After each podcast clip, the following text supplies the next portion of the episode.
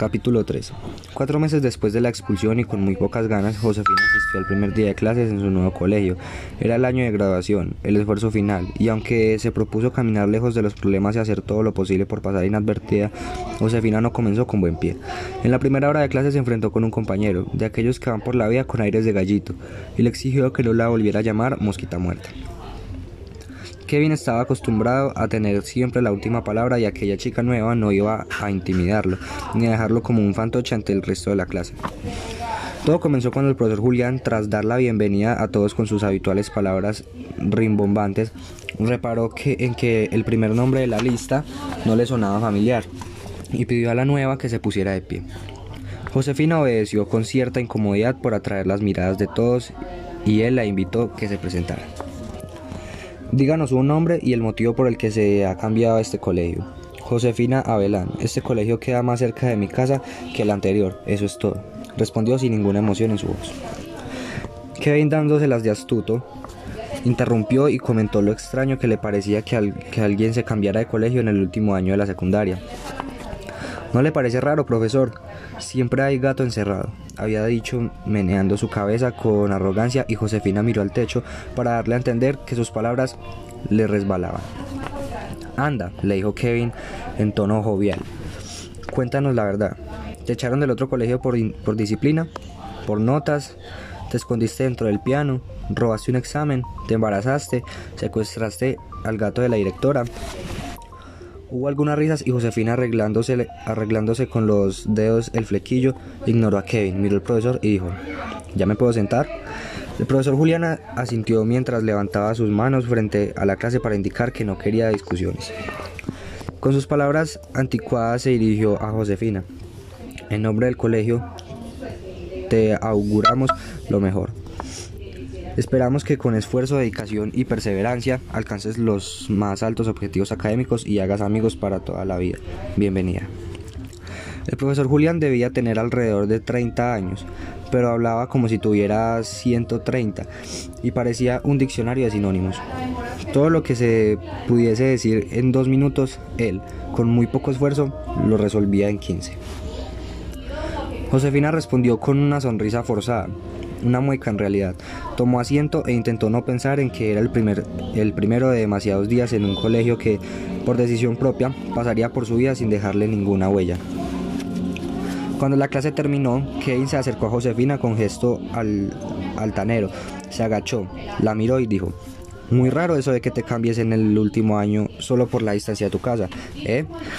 Tengo buen olfato, chica nueva, y me late que mientes, aunque vayas de mosquita muerta.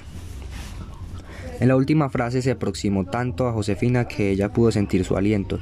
Si había dos palabras que, lo, que, lograban, que lograban llevarla fuera de sus límites, eran precisamente esas, mosquita muerta. Pudo hacer el esfuerzo de ignorarlas, pero conocía a los tipos como aquel. Si ella daba una mínima muestra de debilidad, estaría perdida. Se levantó sin medir su, su fuerza y la mesa cayó al piso provocando un estruendo. Al hacerlo golpeó la rodilla de su compañero, que armó tal escándalo como si se le hubiera roto la tibia, rótula y peroné. Josefina, ignorando su teatro, lo miró de frente y en tono firme le exigió, no vuelvas a llamarme así nunca más, ¿me entiendes? El ruido alertó al profesor que dio media vuelta y se encontró con el incidente. Los hechos condujeron a Josefina a la oficina de la directora en el tercer piso del viejo edificio y ella la recibió con un irónico. Usted va para el récord Guinness, señorita Abelán.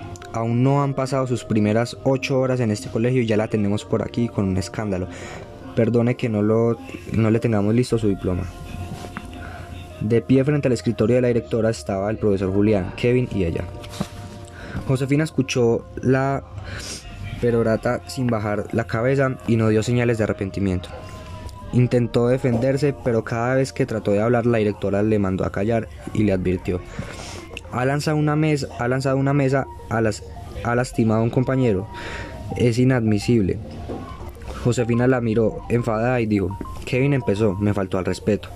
El joven movió su cabeza para negarlo y la directora que ya había escuchado su versión intervino apelando a la sensatez. No sea tan susceptible, Josefina. Aprenda a diferenciar una ofensa de una broma inocente. Yo soy inocente, dijo Kevin, fingiendo voz infantil. Ya está bien, que te conozco, advirtió el joven al aire, a la directora. Después volvió a su tono serio y se dirigió a Josefina. Quizá no he tenido tiempo de leer la documentación que le entregamos el día en que se matriculó. Este colegio tiene normas y no toleramos la violencia. Usted misma y sus padres pertenecen ya al grupo del chat del colegio, en el que todos intentamos compartir información que nos ayude a generar una, conversación, una, una convivencia saludable. Y déjeme que le aclare algo. Nosotros, como la mayoría de instituciones serias en esta ciudad, no recibimos alumnos el último año de secundaria y con usted hemos hecho una excepción. No haga que nos arrepintamos. Josefina no soportaba que la cargaran con el peso de te hemos hecho un favor. Miró a la directora e intentando que su tono fuera claro le respondió, ustedes hicieron una excepción y para eso mis padres pagaron todo el año por adelantado.